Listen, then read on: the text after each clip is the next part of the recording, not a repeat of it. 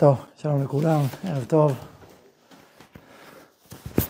טוב, הזמן לחזור ככה לשקוע מתוך, אה, מתוך עולם התורה, מים של תורה. אה, אנחנו היינו בשלב, בשלבי ההחלטה, אני חושב, של בהקמת הבית, בשלבי ההחלטה. אני חושב שפעם קודם דיברנו על ההחלטה אפילו בעצמה, אני חושב. מה? כן, שאלת חכם, דיברנו בהרחבה על שאלת חכם וכל הסוגיה הזאת. אה, בין חכם למקובל. ודיברנו על הפחד שמתעורר לפעמים, יש בו חלק טבעי, יש בו חלק שהוא צריך לברר באמת ולראות. הוא לא אמור להשתלט על האדם ולא אמור לסמן לו משהו, ועם זה, עם החומר הזה צריך לעבוד. לפעמים הפחד הוא אכן לבטא משהו של אמת, ולפעמים הוא לא. אגב, בדיוק השבוע ביקש להיפגש איתי איזה בחור שיצא לפגישות ואומר לי, תשמע, אה, כך וכך, הסיפור. ואז הוא הוסיף עוד אמירה בפני עצמו, תראה, אני מרגיש שכל פעם שזה נהיה רציני, אני פוחד. אז מה זו הייתה השאלה שלו? השאלה שלו הייתה, האם זה שהוא פוחד גם עכשיו, האם זה באמת מבטא משהו שיש בו ממש, ולכן צריך ליישם את הקשר הזה, או זה חלק מהסינדרום, חלק מאיזשהו הרגל או סגנון אישיותי, שהוא תמיד יפחד, ואז זה חלק מהעניין, אז זה טעות לפחד, את הקשר. זו הייתה השאלה. בסיפור הספציפי ההוא, הוא לא נפגש כל כך הרבה, כל ה... שש, שבע הצעות, זה לא כזה מספיק חומר בשביל לדעת איזה סינדרום יש לו או אין לו, זה משהו מאוד בסיסי, אז קשה קצת להכריע. אבל כיוון שלגופו של עניין, הטענה הייתה משמעותית. הפחד הוא לא סתם פחד, הפחד היה באיזשהו משהו שהוא חשוב. משמעותי. בשבילו, מישהו אחר יכול להגיד זה לא משמעותי, אבל הנושא הוא משמעותי, וגם הגיוני שהוא משמעותי, זה לא איזה משהו הזוי או לא הגיוני, הגיוני. ולא היה שם שום משקל לצד שני משמעותי שעומד, לא איזה רצון מיוחד, לא איזה קשר, איזה מציאה מאוד משהו כאילו שעומד לצד שני ואומר למרות זאת. אז אמרתי לו, למה לא עושה את זה? סיים בשמחה. כל פנים, כמו שזה היה למעשה, אז אספר לכם את השו"ת הזה שהיה השבוע. זה היה מאוד לחוץ, מה עכשיו הרב, אתה יודע מה אני אומר? טוב. על כל פנים, זה עסקנו גם. אז עכשיו אנחנו בעצם, אה, החלטנו להתארס בעצם, לא? כבר זה... מזל טוב אמרנו? אמר שתדבר על דרך ההצעות אה, נישואים. איך להציע נישואים. אה, אה, אוקיי, טוב שהזכרת לי. אז עכשיו בא מזל טוב, ובעצם אני התחלתי לדבר בעיקר על תקופת האירוסין, על תקופת המעבר בין, ה, בין ההחלטה, בין ההחלטה המשותפת, מה שנקרא אירוסין, לבין הנישואים עצמם, שזו תקופה משמעותית וצריך לאחד את הדיבור. אבל לפני כן, נדבר באמת על מה שהזכרת לי עכשיו, על נושא הצעות הנישואים. זה, זה, נושא, זה נושא שבשנים האחרונות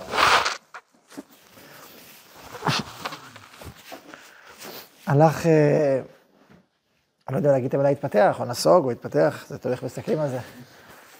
ותפס אופי של, אה, בוא נגיד, המהדרים, ומביאו אותך לאיזה מטוס, על איזה אי, עם איזה, עם איזה שטיח אדום מקצה לקצה, ושדרות פרחים, ואיזה טבעת, וקוקטייל שלם, וצלם בכל רגע ורגע. חצי חתונה, כאילו, כזה. ויהודי מהדר עוד יותר וקורע ברך, ואחת ינסי לי. עכשיו, כל הטקס הזה, אין רוח חכמים נוחה ממנו. אין רוח נוחה ממנו, מכמה טעמים. טעם ראשון, זה שיש פה נגיעה בבעיות הלכתיות, כי כאשר אתה נותן טבעת, בפעול בפני עדים, וזה עתיד לי, אם הקריא את הטבעת, זה נוגע, מספיק שהיא חושבת שזה קידושין, אתה חושב שזה קידושין, אתה חושב שאולי כבר עכשיו זה, הנה, עכשיו קרה פה משהו אמיתי, משמעותי. אולי שתי חלקים לחתונה, חלק ראשון, חלק השני, כל מיני מחשבות כאלה. נתת, טבעת, ויש שני עדים. אז זה נוגע בבעיות קידושין, בבעיות הלכתיות. זה לא בעיה. זאת אומרת, אה, לא יודע אם יגידו שצריך פה גט, אבל אם נפרדים, שזה הבעיה, זה נפרדים, צריך גט, לא צריך גט, צריך להיות גרושה, גרושה וכהן, סיפור שלם. בעולם ההלכתי, הספרות השו"ת, יש הרבה מה שנקרא קידושי לצון, או קידושי צחוק.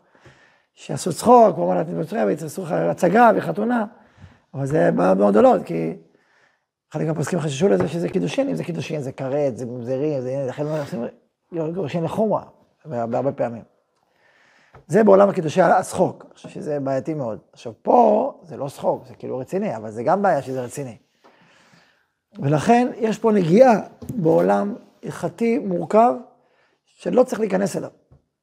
זה מראש תיכנס לבעיה, מספיק שעשית צעד אחד יותר קדימה, נפלת. אז לכן, זה טעם ראשון, למה אין רוח חכם ולא חיים ממנו. טעם, מה? אם בן אדם מכוון שלא יהיה שם קידושים, זה לא את הכוונה? אני אמרתי לך שזה, שזה, הבעיה היא שאתה תכוון, והשני מה יכוון, והשלישי מה יכוון, והרביעי ישכח, והחמישי לא, והשישי, השאלה זה תרבות. זה תרבות שנושקת לבעיות הלכתיות קשות. יש תלמידי חכמים שאולי יבינו, וגם הוא וגם היא, וכולי, ויש כאלה שלא, יש כאלה שחצי, ויש כאלה שיפארו יותר את הטקס, ויגידו מזל טוב, וירקדו, וכיוצא, כיצד נכנסים לפני הכלה, נכון, יכול להיות הרבה, אתה יודע, זה מתגלגל כל הזמן, זה הולך לשם כל היום. אבל זה נקודות אבל בדיוק, יש, אם נגיד אין עדים ועושים את זה כהצעת נישואים, אה, זה עם יש, אז... רגע, רגע, חכה, אני דיברתי עכשיו, אני בכוונה דיברתי על הצד, אני דיברתי על הקצה המובהק, שאמרתי שהולכים לקצה הזה, זה בעיה. זה בעיה, ניסחתי את זה, אין אורח מנוחה ממנו. יש כאלה שמנסחים את זה בחריפות יותר. אומרים שזו תרבות קלוקלת, ואסור לעשות את זה, וזה חר, כאילו, בשביל לסמן כיוון. זה נדבר על זה עוד מעט אולי, אבל ברמה ההלכתית, אני לא יכול להגיד שזה אסור הלכתית, כאשר אין שום נישואים ושום כלום, אבל יש אורח מנוחה ממנו, כי זה נושק לבעיות הלכתיות. ומספיק שאחד לא בקיא וההוא לא בקיא, ויוצא אחד קדימה או שתיים קדימה, נכנס לבעיות הלכתיות, אתה נושק. הרי אסור לך לקדש עם טבעת עם יהלום. שם דעת האישה תהיה על היהלום, ולא על הטבעת, והיא תחשוב שהיהלום שווה יותר ממה שהוא באמת, ואולי קידושי טעות. מה, כן, יש, ולכן אומרים הלכה, לא קדשים, אבל טבעת יהלום. אז אתה רואה שהם מאוד מקפידים, שיהיה נישואים שלמים, שלא יהיה טעויות, שלא יהיה מקח טעות, שלא... אז גם פה, אתה נוגע פה, נושק לבעיות הלכתיות, וזה סיבה ראשונה, למה הם רוחמים לך מהמנהגים האלה. סיבה שנייה, זו סיבה תרבותית, רוחנית תרבותית. השאלה היא, קודם כל, מאיפה זה בא? מאיפה צמח כל הטקס הזה? באופיו, בסגנונו? זה לא צמח בערוגות ישראל. ואני אסביר. למשל, לקרוע ברך. מה זה לקרוע ברך הזה? נשמע לי מוזר ולא הגיוני, ומה, אתה באמת אתה... מה, מה זה לקרוע ברך, כאילו? מי קורע ברך? אפשר לחשוב, כי אלה, שמכבדים את נשותיהם אחרי החתונה באמת. כמו שצריך, והכל אהבה ואחווה שלום ורעות, או אחרי טוב. וגם איזה מין דבר זה, איזה מה, אחד גבירה, אחד שפחה, כאילו, יהיה גבירה, אתה, אתה, מה, למה לכאורה ברך? אני בכלל לא מבין את זה. אם היה הפוך, מה היו אומרים? או, ירק ואל יעבור. פרימיטיבים, שוביניזם, עולם הפוך, דקנה. נכון? ככה כולם מאוד צועקים, חלילה וחס לא יעלה על הדעת, זה סכין ארכרוניסטי של מנהגים. נכון, הייתם שומעים על זה טענות עד פה ועד דמשק. על בימת הכנסת, עכשיו כבר לא. לא, על הכנסת, על הכנסת, כן. טענות, מענות, שאגות, נכון? שזה הפוך, הכל, הכל בסדר. ככה צריך להיות, זה המנהג. למה, למה? למה הפוך? מה, זה, זה ככה, הפוך צריך להיות ככה? מה, אם כבר תעשה שוויוני, הדדי, מלך ומלכה, אבל עבד וגבירה? אז מאיפה בא כל הסיפור הזה? ובכלל, כל הטקסים החיצוניים שמאפרים, אפילו יותר מדי טקסים חיצוניים, הרבה פעמים זה בא על חשבון הפנים. אני אומר את זה ככה כאמירה. אדם משקיע באלף ואחת צעצועים, באלף ואחת דברים. בסדר, השקעת הרבה דברים. הלוואי שתשקיע בעולם הפנים כמו בעולם החוץ. וחלק מהבעיות שלנו כתרבות מערבית, היא השקעה מאוד גבוהה בעולם החוץ, והשקעה מאוד נמוכה בעולם הפנים. משקיעים במכוני יופי, ובאלף, ובאולמות מפוארים, מיליון מיליון דברים חיצוניים. אבל הפנים משקיעים הרבה פחות, במקום הפוך. בסוף מי מתחתן? אתה מתחתן איתה. לא הטקס, טקס זה רק טקס. אבל מי אתה ומה אתם, איזה בית תקימו, זה הרבה יותר משמעותי. ו- ואיזה עבודה פנימית אתה עושה, ואיזה היא, ואיך אתם ביחד בונים את הבית שלכם, זה הרבה יותר משמעותי מאשר כמה כסף, זמן, אנרגיה השקעת בטקס הזה. אז גם ההחצנה, ההחצנה, יש בה טעם לפגם. ואני אוסיף עוד. דיברתי על החצנה במובן התפארותי מול פנימי, אבל אני אומר החצנה גם במובן של קשר בין בני זוג. זה נכון שחתונה זה אירוע ציבורי, אבל זה לא חתונה. הם יכולים עדיין להיפרד, נכון? יש, יש ביטול אירוסין, זה לא חתונה. נכון שגם חתונה אפשר להתגרש, אבל זה משהו אחר, זה עוד לא סגור. זה, זה, זה רק הסכמה. אז למה אתה הופך הסכמה למשהו כל כך דרמטי? הוא לא דרמטי, זה הסכמה, הסכמה מאוד חשוב, אבל החשוב באמת זה הנישואים, זה לא ההסכמות. הסכמות הן חשובות, אבל לא ככה. מה שנהגו נהגו שתי מנהגים. יש מנהג יותר פשוט, שאדם בא להרוס אותו, לארוסה המיועדת, היום מדברים על זה, המיועדת, הנבחרת. והוא יכול להגיד לה, הוא יכול לשאול אותה, את רוצה להתחתן? אומרת לו, כן, יכול לתת מתנה. אבל זה כסף צנוע, לא צריך את כל האנשים בחורות, לא צריך לעשות יותר מדי בלאגן, שים משהו קטן, מכתב, איזה מתנה. הבעיה בדברים האלה, שהיא רואה את חברה שלה, ואת חברה חברה שלה, וזה נהפך להיות כאילו מנהג. ואם לא עשית את זה, לא היה כלום. ואז החברות שלה שואלות אותה, היי, איפה, מה, לא היה, איך יכול להיות? מה, הוא לא אוהב אותך? מה, זה לא חשוב לו, את לא יקרה לו? הוא לא מוכן להשקיע בך? כל מיני כאלה, שזה שטויות, זה הכל אה, אה, מין לחץ חיצוני, חברתי חיצוני. שהוא לא נכון ולא צריך, הוא גם לא נצרך. זה רק סתם להרגל לא טוב, שאין לו שום ידיים ורגליים, לא. ראיתם בעולם ההלכה שלנו, בעולם היהדות שלנו, איזה ביטוי לרעיון הזה? אז מה אתה אומר? לא, אז בוא נעשה את זה יבש, לא יבש. תשאל, תגיד כן, אין בעיה, אפשר, יש פה הרי, תגיד, יש כאלה שלא שאלו, זה היה ברור שרוצים להתחתן. אין חובה לשאול, תגיד ככה. אתה יודע שלפי ההלכה, את זה שאישה מגיעה לחתונה, היא מושיטה את האצבע, זה הרצון שלה. זה הרצון, זה הבעת הרצון של האישה בקשר הזה. אה, וככה, וזה. לכן גם אין חובה, אבל לפעמים זה טבעי, יש בזה משהו טבעי, בסדר, טבעי, מצוין. רוצה, אתה רוצה לחגוג את זה קצת, לזה איזשהו אקט קצת יותר, אה, לא חובה. אתה רוצה? אוקיי, תחגוג קצת. אבל זהו, מה? מה העניין? יש חתונה אחר כך, יש אירוסין, מסיבת אירוסין, זהו, מה אתה צריך את זה עכשיו?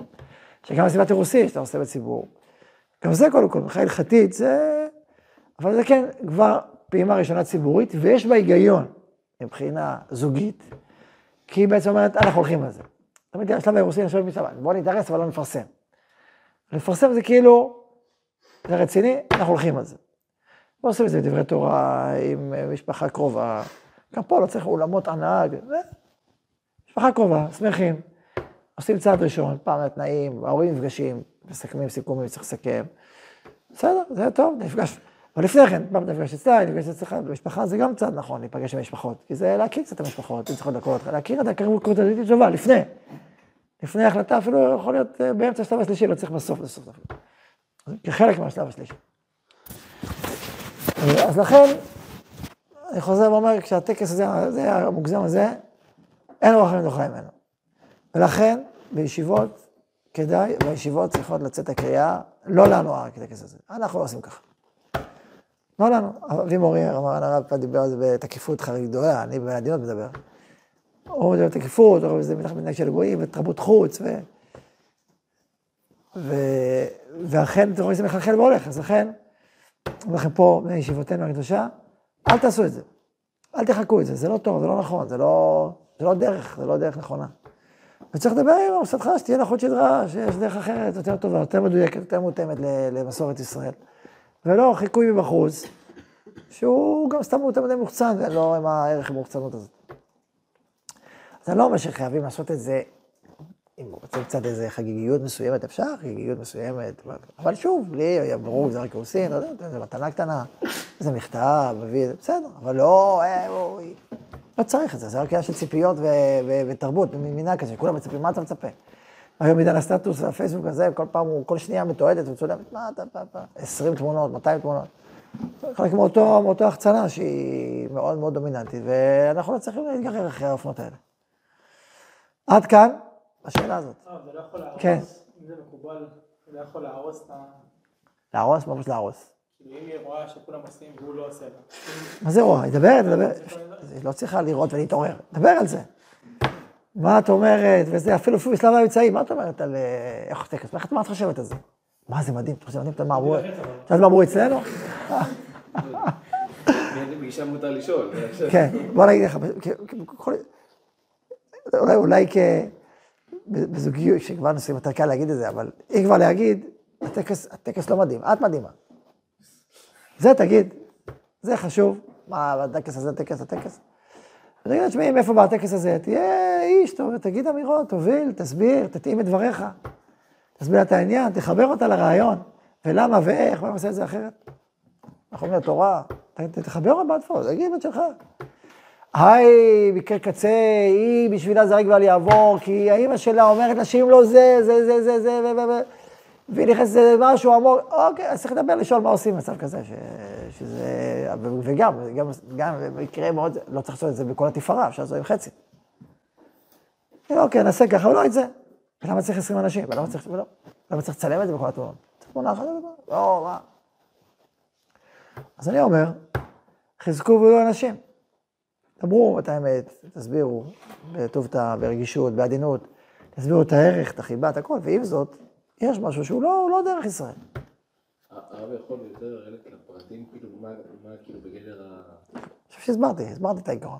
רגע, מה- בדיוק הבעיה? כאילו, מה בדיוק הבעיה, או מה כן ומה לא? זה שתי שאלות שונות. ב- אני הסברתי עוד פעם. הרב לכאורה בערך זה בעיה, נגיד לכאורה בערך זה מגיע מהגויים, נגיד להציע ב... אמרתי שכן, אמרתי שלהציע באופן אישי. לבוא ולהגיד, לא, זה גם אמור להיות שמח. שמח, אז אמרתי, לא, לא שמעת מה שאמרתי? אמרתי, לשים איזה משהו חגיגי, שמחה, איזה מכתב, זה משהו חגיגי, יפה, אבל לא... מקובל היום בחורי הישיבות שעושים, הולכים איזה שולחן כזה קטן, עם כן, דברים זה ותמונות טוב. וזה, זה בסדר? כן. אבל לא צריך שטיח מפה ועד דמשק, ו-200 אלף פרחים, ותמונות, וצלמים, ולכאורה ברך. כל הזה, לא, זה הכי גרוע זה לכאורה ברך. זה, זה, זה סגנון של אבירים מימי הביניים, לכאורה ברך הזה, זה בא משם. זה לא נכון, זה לא מתאים. מה? זה לא מקובל אצל בחורי ישיבות. אני יודע, אבל זה אנחנו מדברים פה, שלא יהיה מקובל. כי עוד שנייה ההיא שראתה את ההיא ושראתה את ההיא, וזה, אתה יודע, יש מדרון חלקלק. אם זמר ידוע מוציא קליפ עם, אה, עם פריצות, אז זה מדרון חלקלק. אז אומרים לא, אז גמרנו, אז אתה כבר, אתה צריך, עברת קו אדום. זהו, כאילו צריך להעביר אותה, ואומרים קווים אדומים ככה, כאילו לא קרה כלום. עברת קו אדום, זהו, אתה כבר נמצא במקום אחר. בפומבי, בזה, כאילו זה טבעי, הכל רגיל. אוקיי, אז אתה אומר, אנחנו בעיה חמורה. אתה כבר לא יכול להיחשב במרחב הטבעי הדתי. אתה כבר במקום אחר. לא בחילוני, אתה במקום אחר. אולי מתכתב עם המסורתיות, אולי מתכתב, לא יודע, אתה במרחב אחר, זה לא המרחב. זאת אומרת, דווקא מינה, בישיבות וזה, כבר לא. כבר לא, כבר לא, לא, זה לא קשור לישיבות, ואדם פורץ גדר ברבים. אז זה לא יכול להיכנס לעולם הישיבות. כי זה, אתה כבר במרחב אחר, אתה עלית לך למרחב אחר, גמרנו. אחר כך תבינו מה אני מתכוון. אני אין דרכי לנקוב בשמות מפורשים, במיוחד שזה, אבל תבינו מה אמרתי. אז למה אני אומר את זה? כי זה עוד, פרץ גדר, לא? מה, כאילו לא קרה כלום, פרצת גדר. אתה פרצת גדר. אסור לפרוץ גדר. עכשיו, זה חלקלק, אתה מבין, זה כבר, זה, זה, זה, אומר לך, מה, הכל בצניעות, הכל, כל מיני תירוצים. וזה ככה מתגלגל. אוקיי. יותר ברור, מה שאמרתי? מה? עדיף מתנה מאשר טבעת. זה כך נהוג. מה?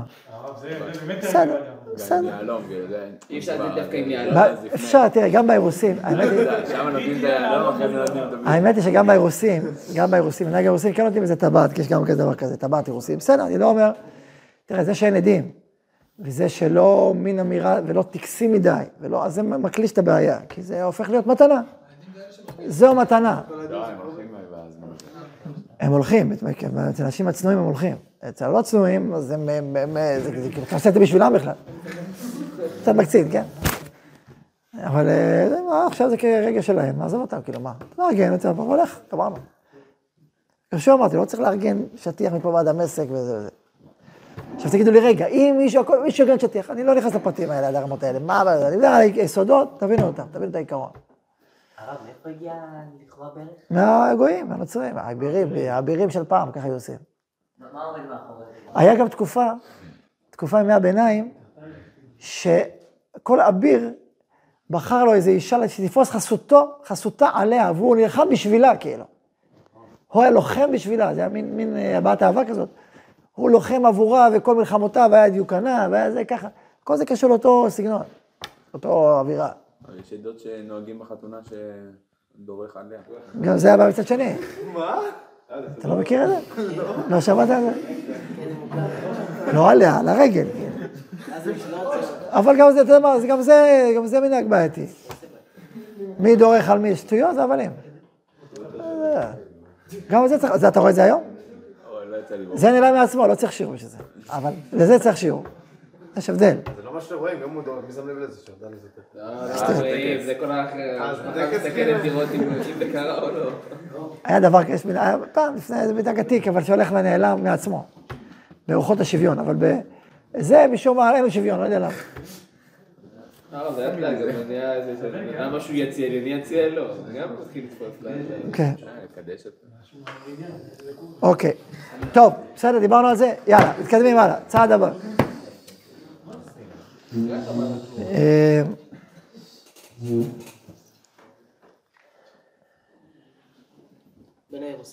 כן, אני להגיד עוד, איזה משפט, כבר לנישואים אני אומר את זה, שגם זה דבר שהוא בעייתי בעיניי.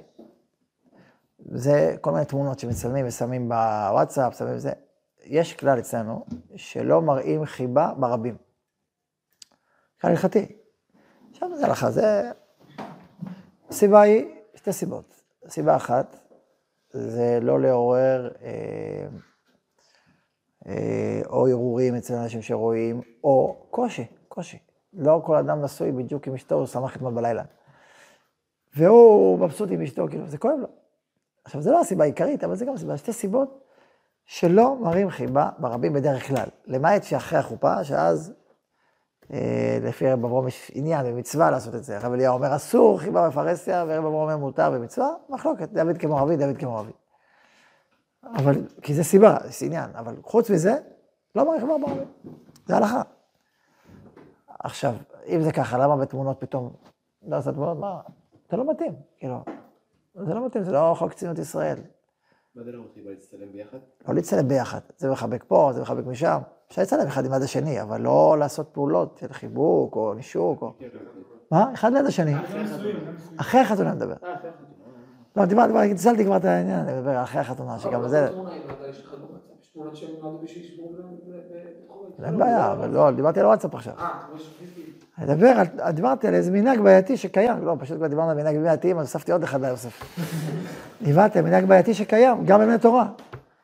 עכשיו, אין איסור, הם לא עושים איסור לבין עצמם, אבל אמרתי שהבעיה היא שלא מראים חיבה בפרהסיה. לא אמרתי בתוך המשפחה, עם הילדים, אמרתי בחוץ. אז ילדים אני חושב שזה דווקא כן דבר טוב. אבל בחוץ לא.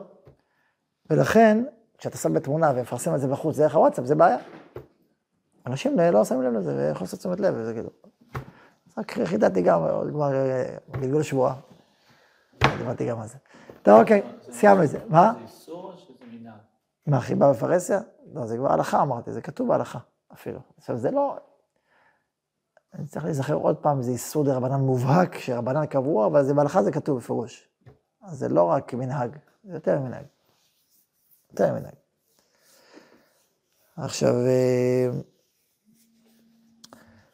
עכשיו, אה, אוקיי, אז דיברנו על הצעת ה... עכשיו, אם יש איך דיברנו, שיהיה בשמחה, ושיהיה בטוב לבב, ובאהבה גדולה והכל, לא צריך, זה לא ממעט באהבה, זה רק מדייק אותה. עכשיו, תקופת אירוסין היא, טוב, זהו, התארסו, יש גם אה, אירוע, נכון, אירוסין, זה, מתארסים, ויש תקופה בין נושאים לנישואים. זו תקופה שיש בה מצד אחד הרבה יופי, ושמחה, והתרגשות, והכנה. וכמו תמיד קודם נקרא דבר גדול, זה צד אחד. מצד שני, התקופה הזאת יש גם אתגרים שלה. אני רוצה לעשות הבחנות בשני סוגי אתגרים בתקופת האירוסין. אתגר אחד, זה תקופת מעבר. בכל, בכל, בחיים בכלל, כל תקופת מעבר בין מרחב למרחב, זה מצב אתגרי, זה מצב רגיש, יש בזה רגישות. כשאדם עובר דירה, מישהו פה עבר העברת דירה, נכון? חוויתם פעם העברת דירה? הזמן שאתם עוברים מפה לפה, איך זה? יש בו אתגר, נכון? צריך הכל הארגזים, הכל זה, וזה והבית החדש, ולשים שהכל בכלל כמו שאתה רוצה, ואין בעיה, ואין, והמנורה דולקת באמת, ומה מה חסר לך. השלב הזה, שעוברים ממקום למקום, הוא שלב שיש בו אתגר, שלב עם רגישות גבוהה.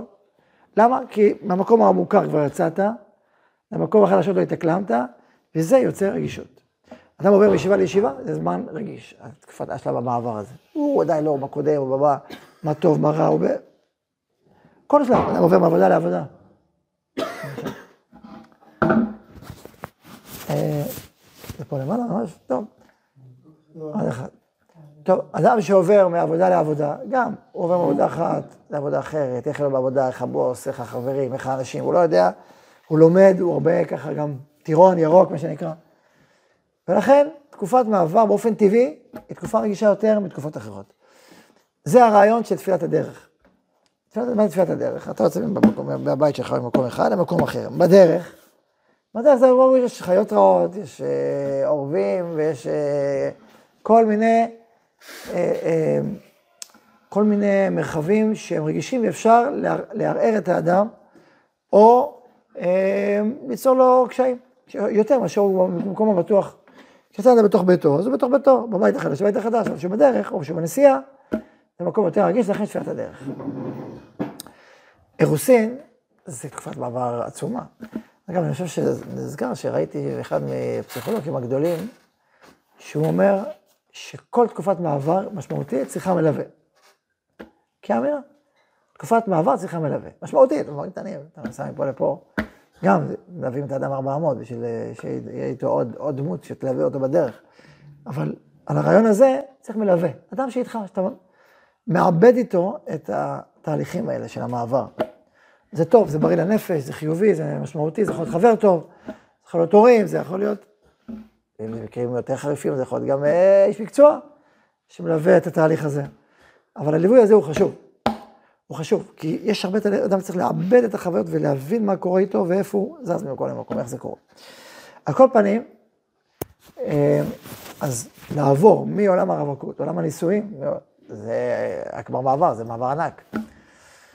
ויש בו הרבה ממדים. אז קודם כל, כמו שאמרתי, עצם תקופת מעבר היא תקופה רגישה, וכל שכן, מעבר דרמטי כל כך.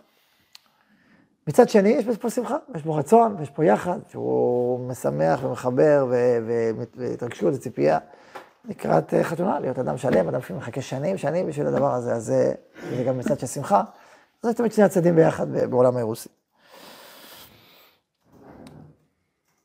אני עכשיו רוצה קצת לתת כמה אספקטים ב...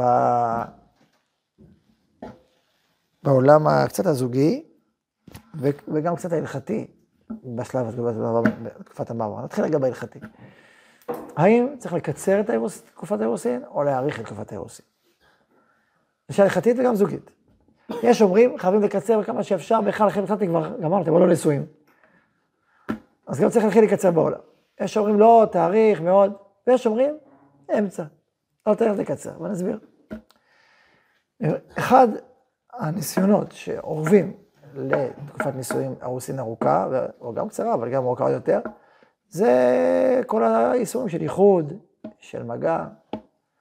אפשר ליפול בתקופה הזאת, יותר מאשר בתקופות אחרות, כי אתם כבר מאורסים, אתם כבר כאילו כל נישואים. אם, אם עשו טקס של הנישואים שלפני כן, אז...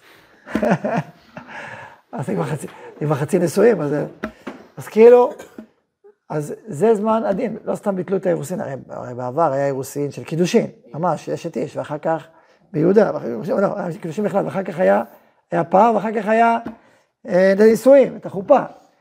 וביטלו את הפר, כדי שלא יפלו באמצע, כי נפלו. עכשיו שם עוד נשואים עוד, כי זה מדי רבנן, בסדר. פה הרבה יותר גרוע, כי זה נידה בדרך כלל, וזה איסור, אה, איסור יותר חמורים. נכון? או כרת, תלוי באיזה דרגה מדובר, או להב. אז לכן זה זמן אה, רגיש ולא פשוט, ואנשים לפעמים נופלים. רק אתמול, מישהו שאל את השאלה, לא מהישיבה, או במקום אחר, אה, שאלו את השאלה כזאת, שמישהו זה, מה עושים, איך עושים תשובה? זה לא, זה קשה קצת, כל לבוא לחתונה ככה טהור ונקי, אתה כבר צריך להגיד, אוקיי, כבר התחלנו טיפה ליפול פה, טיפה ליפול שם. איך עושים תשובה? אז כמובן, התשובה הראשונה זה לקבל על עצמך את הסייגים, המרחקים, שזה לא יקרה, לשמור על דין ייחוד כמו שצריך.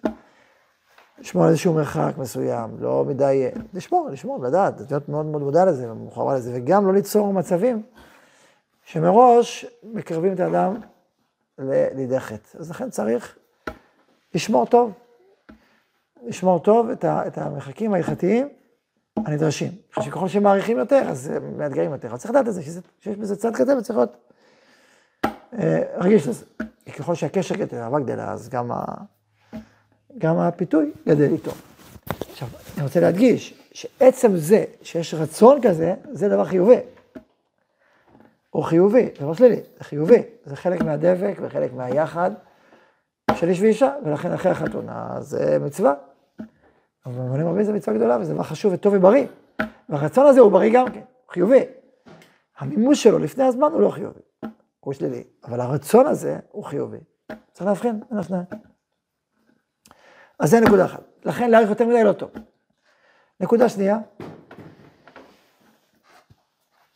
אני אתן משל מעולם אחר, תסלחו לי על המשל, אבל אחרי ההבדל בין המשל. נניח שאדם קנה פעם, לא יודע מישהו פה הגיע כבר, קנה פעם רכב חדש, מישהו פה קנה רכב חדש פעם? עוד לא, עוד לא עשיתם את זה. אה, יונתן עבר חצי חצי שקנית, יונתן, ליטן אליהו חושב שאתה קנית, אתה... עשית כבר ככה, חשבתי שאתה קנית רכב חדש, בלי להגיד לנו.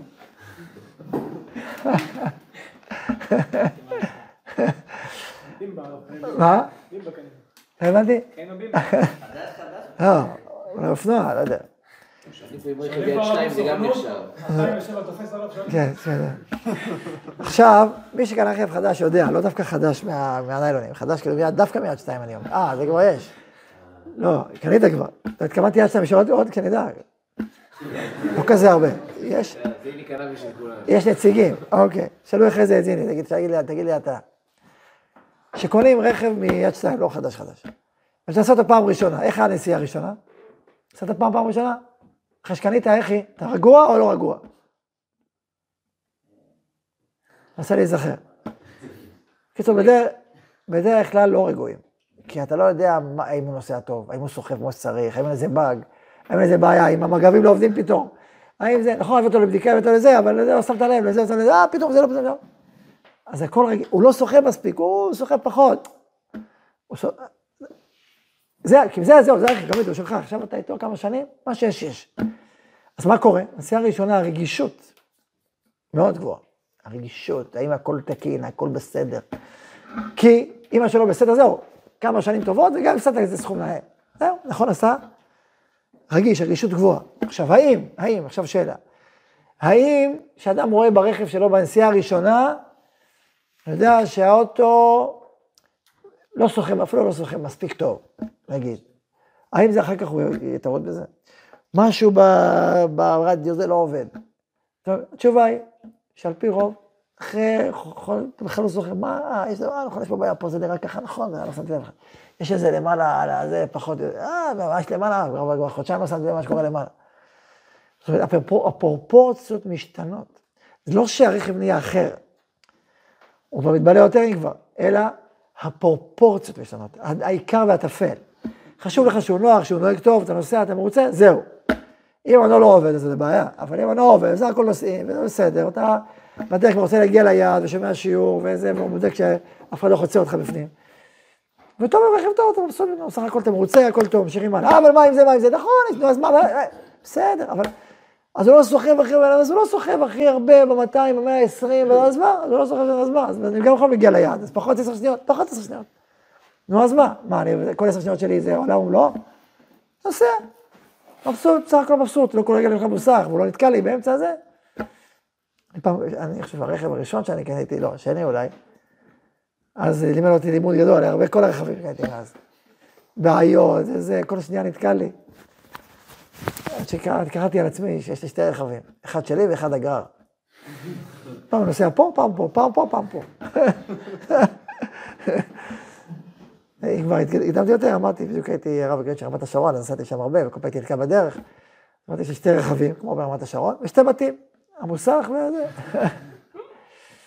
עד שמחר, שלושה חודשים, מכרתי אותו. היה מופת, איך הצלחתי למכור אותו בלי לשקר. זה לא היה פשוט. למה שמישהו? שאלה מצוינת. אחת. קודם כל, שאלתי את עצמי את השאלה, וגם אני החלפתי שם חצי מהרכב. אז אמרתי למושג, איך אני אמכור? אמר לי, תגיד שהכל כמעט חדש ברכב הזה. אמרתי לו, זה רעיון טוב. אז כשמישהו בא לקנות הוא אומר, הסחר אותו עשה בעיות. אמרתי לו, המוסכניק שלי אומר שהרכב כמעט חדש, הכל כבר מוחלף, הכל כבר רכבים שהוא שם. אתה רוצה, תשאל אותו. עשה בעיות, עשה בעיות. אמרתי לו, כן, נכון. בכל אופן הוא קנה. יש דברים כאלה גם. כן, אה, הורדתי לו קצת. הסיפורים הקודמים חיפשו. זה עוד חלק שיש לי סיפורים ארוכים, אני לא את הרכב הזה, אבל בהזדמנות. בהזדמנות לספר לכם. קורות הרכב. על כל פנים, כמו צה"ל, ככל שיותר קצת זמן, שאתה סיפורים. ברכב הזה. בקיצור, אה, איפה היינו? אה, אז דיברתי על הרגישות. אז אני אומר כמשל, שלא כל מה שאתה, ברגע שאתה קונה, או שאתה בוחן, או שאתה לוקח אותו לבדיקה ואתה מסתכל, זה אותו פרופורציות כמו שאחר כך שאתה נוהג ונוסע בו בפועל. להבדיל, להבדיל, גם הנישואים. יש דברים מסוימים שיש חסרונות לבית הזוג, גם לבן הזוג, כל חסרונות מסוימים. עכשיו, כשאתה בשלב הבדיקה, או באירוסין, שלב, זה, הכל הכל רגיש, מה, יש חיסרון כזה, שזה, או... זה כאילו, זה נורא מפחיד. זה הרבה יותר מפחיד מרכב, כי זה כל החיים. הוא בא, נכון, זה, מאוד, זה כל החיים, זה כל החיים, זה הכל הכל רגיש, כל דבר הכי קטן, במקום להיות דרגה אחת, זה נהיה דרגה עשר. למה? כי זה אחד כפול ארבעים. ארבעים שנה, כמובן, כאילו, אחד. כפול 335 כמובן. אז לכן הרגישות מאוד מאוד גבוהה, ולכן הפרופורציות הרבה פעמים לא נכונות, או לא מדויקות. ולכן יכול להיות שיש איזה חיסרון שולי, וזה בעצם מה ששאל אותי אותו בחור שאמרתי מקודם. יש, יש, יש פה חיסרון, בסדר, אוקיי, היא כעסנית, היא נלחצת, היא לא יודע, חיסרון כזה או אחר. שהוא אמיתי, הוא בטח חיסרון. אבל אתה עכשיו נורא פוחד בגלל שאתה פוחד לעשות טעות, וכל דבר הוא נראה לך מאוד מאוד גדול, ואז אתה, אתה אומר, וואו, זה... אתה מבין? לפעמים זה יכול להיות אפילו דבר נורא קטן, בוא נגיד עכשיו מהצד השני. נניח שבחורה נפגשת עם בחור, והיא הולכת למסעדה או לבית קפה, והבחור אכל, אבל הוא אכל לא מספיק בנימוס כמו שהיא אהבה, או לא באמת לא בנימוס. היא אומרת, זה איתו לא מתחתן, ככה אוכל לא מתחתן. זה להיות איזו הרגשה בלב, שנייה, זה לא, זה, זה לא, לא, ביי ביי. עכשיו, מה הבעיה? שיש הרבה רגעים כאלה בכל מיני בחורים כאלה ואחרים, כי הם כנראה לא משלמים 100%. אלא יש איזושהי נקודה כזאת או אחרת, או לא משלמים בעיניה, או משלמים באמת, אז מה קורה? אתה סוגר את עצמך לפני הכל. כי אתה תופס איזושהי זווית, איזושהי בעיה, איזשהו חיסרון, איזשהו... וננעל עליו, והופך להיות חזות הכל. עכשיו, אין אנשים מושלמים, לא אנשים ולא נשים. אז כאילו, אתה, אתה נכנס לאיזשהו לופ כזה, שהוא לא, שאתה לא יוצא ממנו. וגם אתה לא מושלם כנראה, אז מה עושים? אתם מבינים מה אני אומר?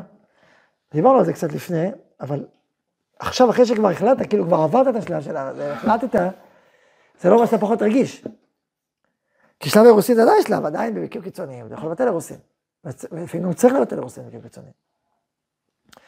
זה אופציה קיימת, זה נכון שהדלת כמעט נסגרת, אבל לא עד הסוף. השאר זה חרך. ובמקרים קיצוניים אפשר לפתוח את החרך ולברוח, נכון? נכון, אבל עוד יותר, זה אבל זה כבר עדיף, זה היה... כן, יש שלבים. על כל פנים, אני רק אומר שהשלב הזה, אז לכן, עכשיו בצד אחד אתה מאוד רגיש, הרגישות גבוהה. מצד שני, אז כאילו אתה, אז מה עושים? אז לכן אני אומר, קודם כל הידיעה שאמרתי לך, ידיעה מאוד מאוד, היא, מאוד חשובה, הידיעה הזאת מאוד חשובה. כי, כי יכול להיות שמשהו בפרופורציה שלך משתנה, ולכן הפחדים שלך גדלים יותר, לא כי באמת משהו בה השתנה, משהו בך השתנה, אלא הרגישות השתנתה, החשש, וזה גדל. אתם מבינים מה אני אומר? זה דבר מאוד משמעותי ההבנה הזאת. עד כדי כך שלפעמים אדם מרגיש שהוא לא אוהב את אשתו, או את ארוסתו. הוא לא אוהב, הוא לא מרגיש שאוהב אותה. מה, איך ניתן בלי שאני אוהב, בלי שאני קשור, איך אני אתחתן? אבל זה לא נכון, הוא אוהב אותה. רק הפחד מסמא את עיניו, הוא משתלט על המסך הרגשי שלו, שהוא כבר לא מסוגל, מרוב שהוא פוחד, הוא לא מסוגל לתת לעצמו לאהוב. לכן באיזשהו מקום, דווקא הפגישות הראשונות, אני יודע מה, עשרה הפגישות הראשונות, הן יותר אותנטיות מהפגישות האחרונות, או אחרי האירוסין. יכולות להיות, תלוי באיזה מצב. כי הם, הם, הם, הם בלי לחצים, הכל פתוח, הכל זה. רוצה להוסיף עוד משהו, מה שאמרתי עכשיו, שהוא כמעט לא כתוב בספרים, והוא גם קצת עדין, אבל אני אומר אותו בגלל שלא כולם, לא כולם עוברים דבר כזה, אבל יש כאלה שכן עוברים, במיוחד אנשים עם רגישות גבוהה, וצריך לדעת אותו, כי זה או אתם או חברים שלכם, או אחים שלכם, או בנים שלכם. אז חשוב לדעת את הדבר הזה. מה שאמרתי עכשיו באופן כללי, הוא נכון גם באופן ספציפי לנושא של יופי. מראה. יש אנשים שיש להם רגישות גבוהה ליופי. יש אנשים, לכל אדם יש משמעות ליופי. דיברנו, שולחן ערוך אומר, אדם צריך... גמרא בקידושין, נפסק בשולחן ערוך להלכה, אין אדם מקדש שעד שיראה לה. כלומר, נכון, אפילו נאה בעיניו, אומר שולחן ערוך, נאה בעיניו כדי שישאנה. אז זה לא סתם קדוש ברוך הוא ברא יופי באישה, בשביל לחבר עם האיש, זה, זה, זה, זה, זה נועד, זה לא איזה בעיה, זה לא חטא, אנחנו לא נוצרים, וזה לא... עזרא הסופר, אחד מתקנות עזרא, תקנות עזרא הסופר הגדול, שבוע הבא. הבא נפטר, שבוע הבא נפטר, אז שר בטבת, אז הוא תיקן תקנה שיהיו רוכלים וחזרים בעיירות. שבורחים בסמים, וחזרים בעיירות בימי חמישי, כדי שלבנות ישראל, כדי שיהיו נאות בני בעליהם. תקנה שהוא תיקן, בתרגום של היום חנויות קוסמטיקה. שיהיה קוסמטיקה, שיהיה אפשרויות, ש... כדי לחבר לאישה לבעלה, זה מצווה. זה לא, זה מצווה ממש. אז לכן זה לא בעיה, זה לא חיסרון. הקדוש ברוך הוא ככה ברא את האדם לכתחילה. זה נכון שהבעיה אם זה מוגזם. אם אדם מוחצן, ולא מעניין אותו האישיות, שום דבר, רק החיצוניות, אז זה בעיה, כי הפרופורציות שלך לא נכונות. אבל אם אדם לא מוחצן, הפנימיות זה הכי חשוב לו באמת, כי באמת זה הכי חשוב. באמת זה, זה משמעותי. לא משנה כמה אדם יהיה יפה, אם הוא אדם שהוא כעסן ורגזן ו- ונמוך וחומרני, אז זה, אז מה, מה עוזר, מה עוזר לך האריזה, כאילו, מה עוזר החיצוניות, זה לא... אבל אם הוא אדם טוב, גם, גם לחוץ יש משמעות, הוא מחבר, הוא מתווך, הוא מחובר ומחבר, הוא חשוב, משמעותי. רואים את זה בכל התנ"ך. אז לכן, עצם העניין שיש ליופי משמעות, להתקשטות משמעות, זה דבר חיובי ובריא, ובנית לאשתו, זה טוב מאוד. אם זה מוגזם, כמו שאמרתי, לא. עכשיו, מה, מה אני מוסיף? אז מה קורה כאשר אדם אומר, כן, נאה בעיניו שישאנה. אבל פתאום הוא רואה איזה חיסרון. איזה זווית, איזה זה, מפריע לו, מה, ואז זה יכול לפחות, כי הוא אומר לעצמו, אולי לא מתאים לי, אולי זה לא בשבילי. זה יכול להיכנס לו כמו חץ ללב. ואני, כמה פעמים, כמה אנשים דיברתי על זה, והתייעצו איתי על הנושא הזה. זה כמו חץ, כאילו, כי הרגש כאילו תופס ואומר, אסביר טיפה לעומק, הוא אומר, הרגש כאילו אומר, אם תשמע את הרגש לבדו, הוא כאילו אומר, אם זה ככה אז לא. כמו שסיפרתי קודם על האישה עם ה... איך, איך הבעל אוכל, ואז הרגש שלה אומר ככה לא. אותו דבר יכול להיות רגש של, של איש, לאיזה סוג של זווית, להגיד ככה אז לא. אז הוא אומר, אם זה לא, אז מה אני עושה פה? אני לא מרגיש קשר, אני לא רוצה. הרגש כאילו אומר, לא רוצה. אז הוא אומר, יש לי בהרגש שכל. השכל אומר, כן, הרגש אומר לו, מה אני עושה? עכשיו, אתה באמת לא יכול לעשות שום דבר, כאילו, מה אתה עושה? לך זה לא תלוי בך, נכון? אתה מבין את הבעיה, את הבעיה שאני מדבר עליה? מבינים או לא? אוקיי. מה הפתרון? הפתרון הוא, כמו שאמרתי, זאת, זה, זה בדיוק ההבנה שאמרתי עכשיו, ההבנה שהנפש או הרגש תפס עכשיו זווית. והנה הכי נמי, אם הזווית הזאת, זו הייתה הזווית המרכזית, אל, לא, אל תחתן איתה. אתה צודק, אל תחתן איתה. אבל אם היא שולית, אז היא שולית. לפעמים האישה עצובה, עייפה, כועסת, לא יודע בדברים, שבזווית הזאת זה לא מתאים. אוקיי, אז מה? תגיד לי, אבל זה, זה היא, זה לא היא. הנה, עובדה שהיה עשר פגישות, חמש עשר פגישות, שלא היה לך בעיה, נכון? אז מה, מה זה אומר? מה קרה פתאום? מה קרה פתאום? עכשיו היה מצוין, היה טוב, היה נעים, היה מחבר, הכל היה טוב, מה קרה פתאום? משהו השתנה, מה השתנה? הרי לא השתנת, אז מה השתנה? מה שאמרתי עכשיו השתנה, הפרופורציה השתנתה, הפחד השתנה, הזווית השתנה, זה הכל זה מה שקרה. אבל בסדר, זה רק זווית, נו אז מה? אבל זה זווית, אז זה זווית. אז מה? תסתכל בזווית השנייה. זה זווית אחרת. יש לה חיסרון פלוני, יש לה חיסרון, אז מה? אז כל אחד יש לך להסתכל על החיסרון? היא בלאגניסטית, בעיה. עכשיו אתה יכול לאכול כל החיים שלך לחיות, היא בלאגניסטית, וכל רגע לראות איפה הבלאגן, כל לילה להסתכל על הבלאגן. אז ברור שאתה תתרחק ממנה, כי אתה כל הזמן מסתכל על החיסרון, מהבוקר עד הערב. וגם לך יש חסרונות, אתה מאחר, אתה כל מה מיכל, אתה מכיר לך, כאילו זה, זה הנושא המרכזי. יש הרבה נושאים חשובים, משמעותיים, יש בעיה, בסדר, חיסרון, נעבוד עליו. הוא יעבוד, אתם תעבדו, תעבדו ביחד, בסדר, תתאמו, תצמחו. אבל זה לא המרכזי. יש מרכזים מדהימים, טובים, יפים, משמעותיים. מה זה זוג מפותח? גם אחרי הנישואים, אולי בעיקר אחרי הנישואים. אני קורא לזה ככה, שהעיניים הפנימיות של הבעל ושל האישה נמצאות בטוב ובאור של השני. הם רואים טוב, הם, הם, זה ככה, זה, הוא רואה את הטוב הזה, זה כאילו עמוק לו. זה לא שהחיסרון לא מפריע לו, כשהוא פוגש אותו, החיסרון מפריע לו. מכאיב לו, לעשות תיקון, שינוי, אני לא אומר שאתה לא מרגיש את החיסרון. מרגיש, שהוא קורה, אתה מרגיש אותו. שזה מפריע לך, שאתה לא מוצא את ה... מפריע לך הבלאגן, באותו רגע מפריע לך. זה נקוד, הבלאגן נקודתי, החיסרון נקודתי. אבל המהותי, זה היתרון, זה האיכות, זה הפנימיות, זה הנשמה הזאת שנמצאת לידך. זה התפתחות, זה מפותח. אתה אחוז, אתה מחובר, אתה דבק בנשמה המיוחדת הזאת, באור שבה, במידות הטובות שלה, ביכולות הגבוהות שלה, באהבה שאתה אוהב אותה. היי, מה, יש גם חיסרונות? יש גם חיסרונות. אתה לא... רגע, אתה אוהב את עצמך? מקווה שכן. ואם כן, אין בך חסרונות? יש בך, נו, אז מה, זה אוהב את עצמך? מה, כל כולם, מה זה? נשמה מלאה, מדהימה, יש אלף ואחת דברים טובים, ואני, המהות שלי זה. ויש גם מלא דברים טובים, נכון, יש גם חיסרון, נעבוד עליו. נכון, אותו דבר. עבד לך כמוך.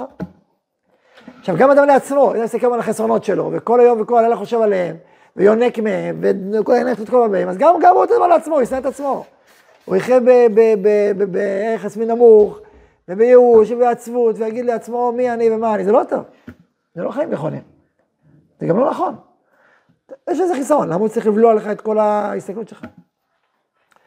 אז אז שוב, אני לא אומר שהחיסרון לא מכאיב לך, או לא מפריע לך, או אם החיסרון הזה זה החסות הכל הנה חינמי. זה נכון, אבל הוא לא חסות הכל, הוא גם קיים. אבל יש הרבה דברים טובים, משמעותיים, זה גם חיסרון לעצמו. תעבוד עליו, תעבדו עליו, בסדר. מבינים מה אני אומר?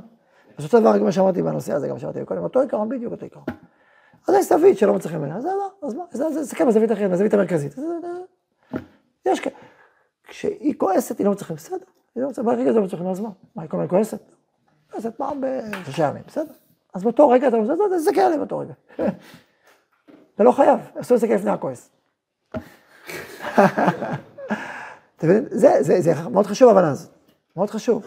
כי זה בדיוק המעבר בין הפרפקציוניזם, המושלמות, המאה אחוז, לבין ההבנה שיש את העיקר והקשר שהולך וצומח, הולך וגדל, הולך ומתפתח, ויש חסרונות אלוהים ואחרים, שגם הם חלק מהסיפור, דיברנו עליהם. מבינים? ברוך ה' לעולם, אמן ואמן. מזל טוב למאורסים.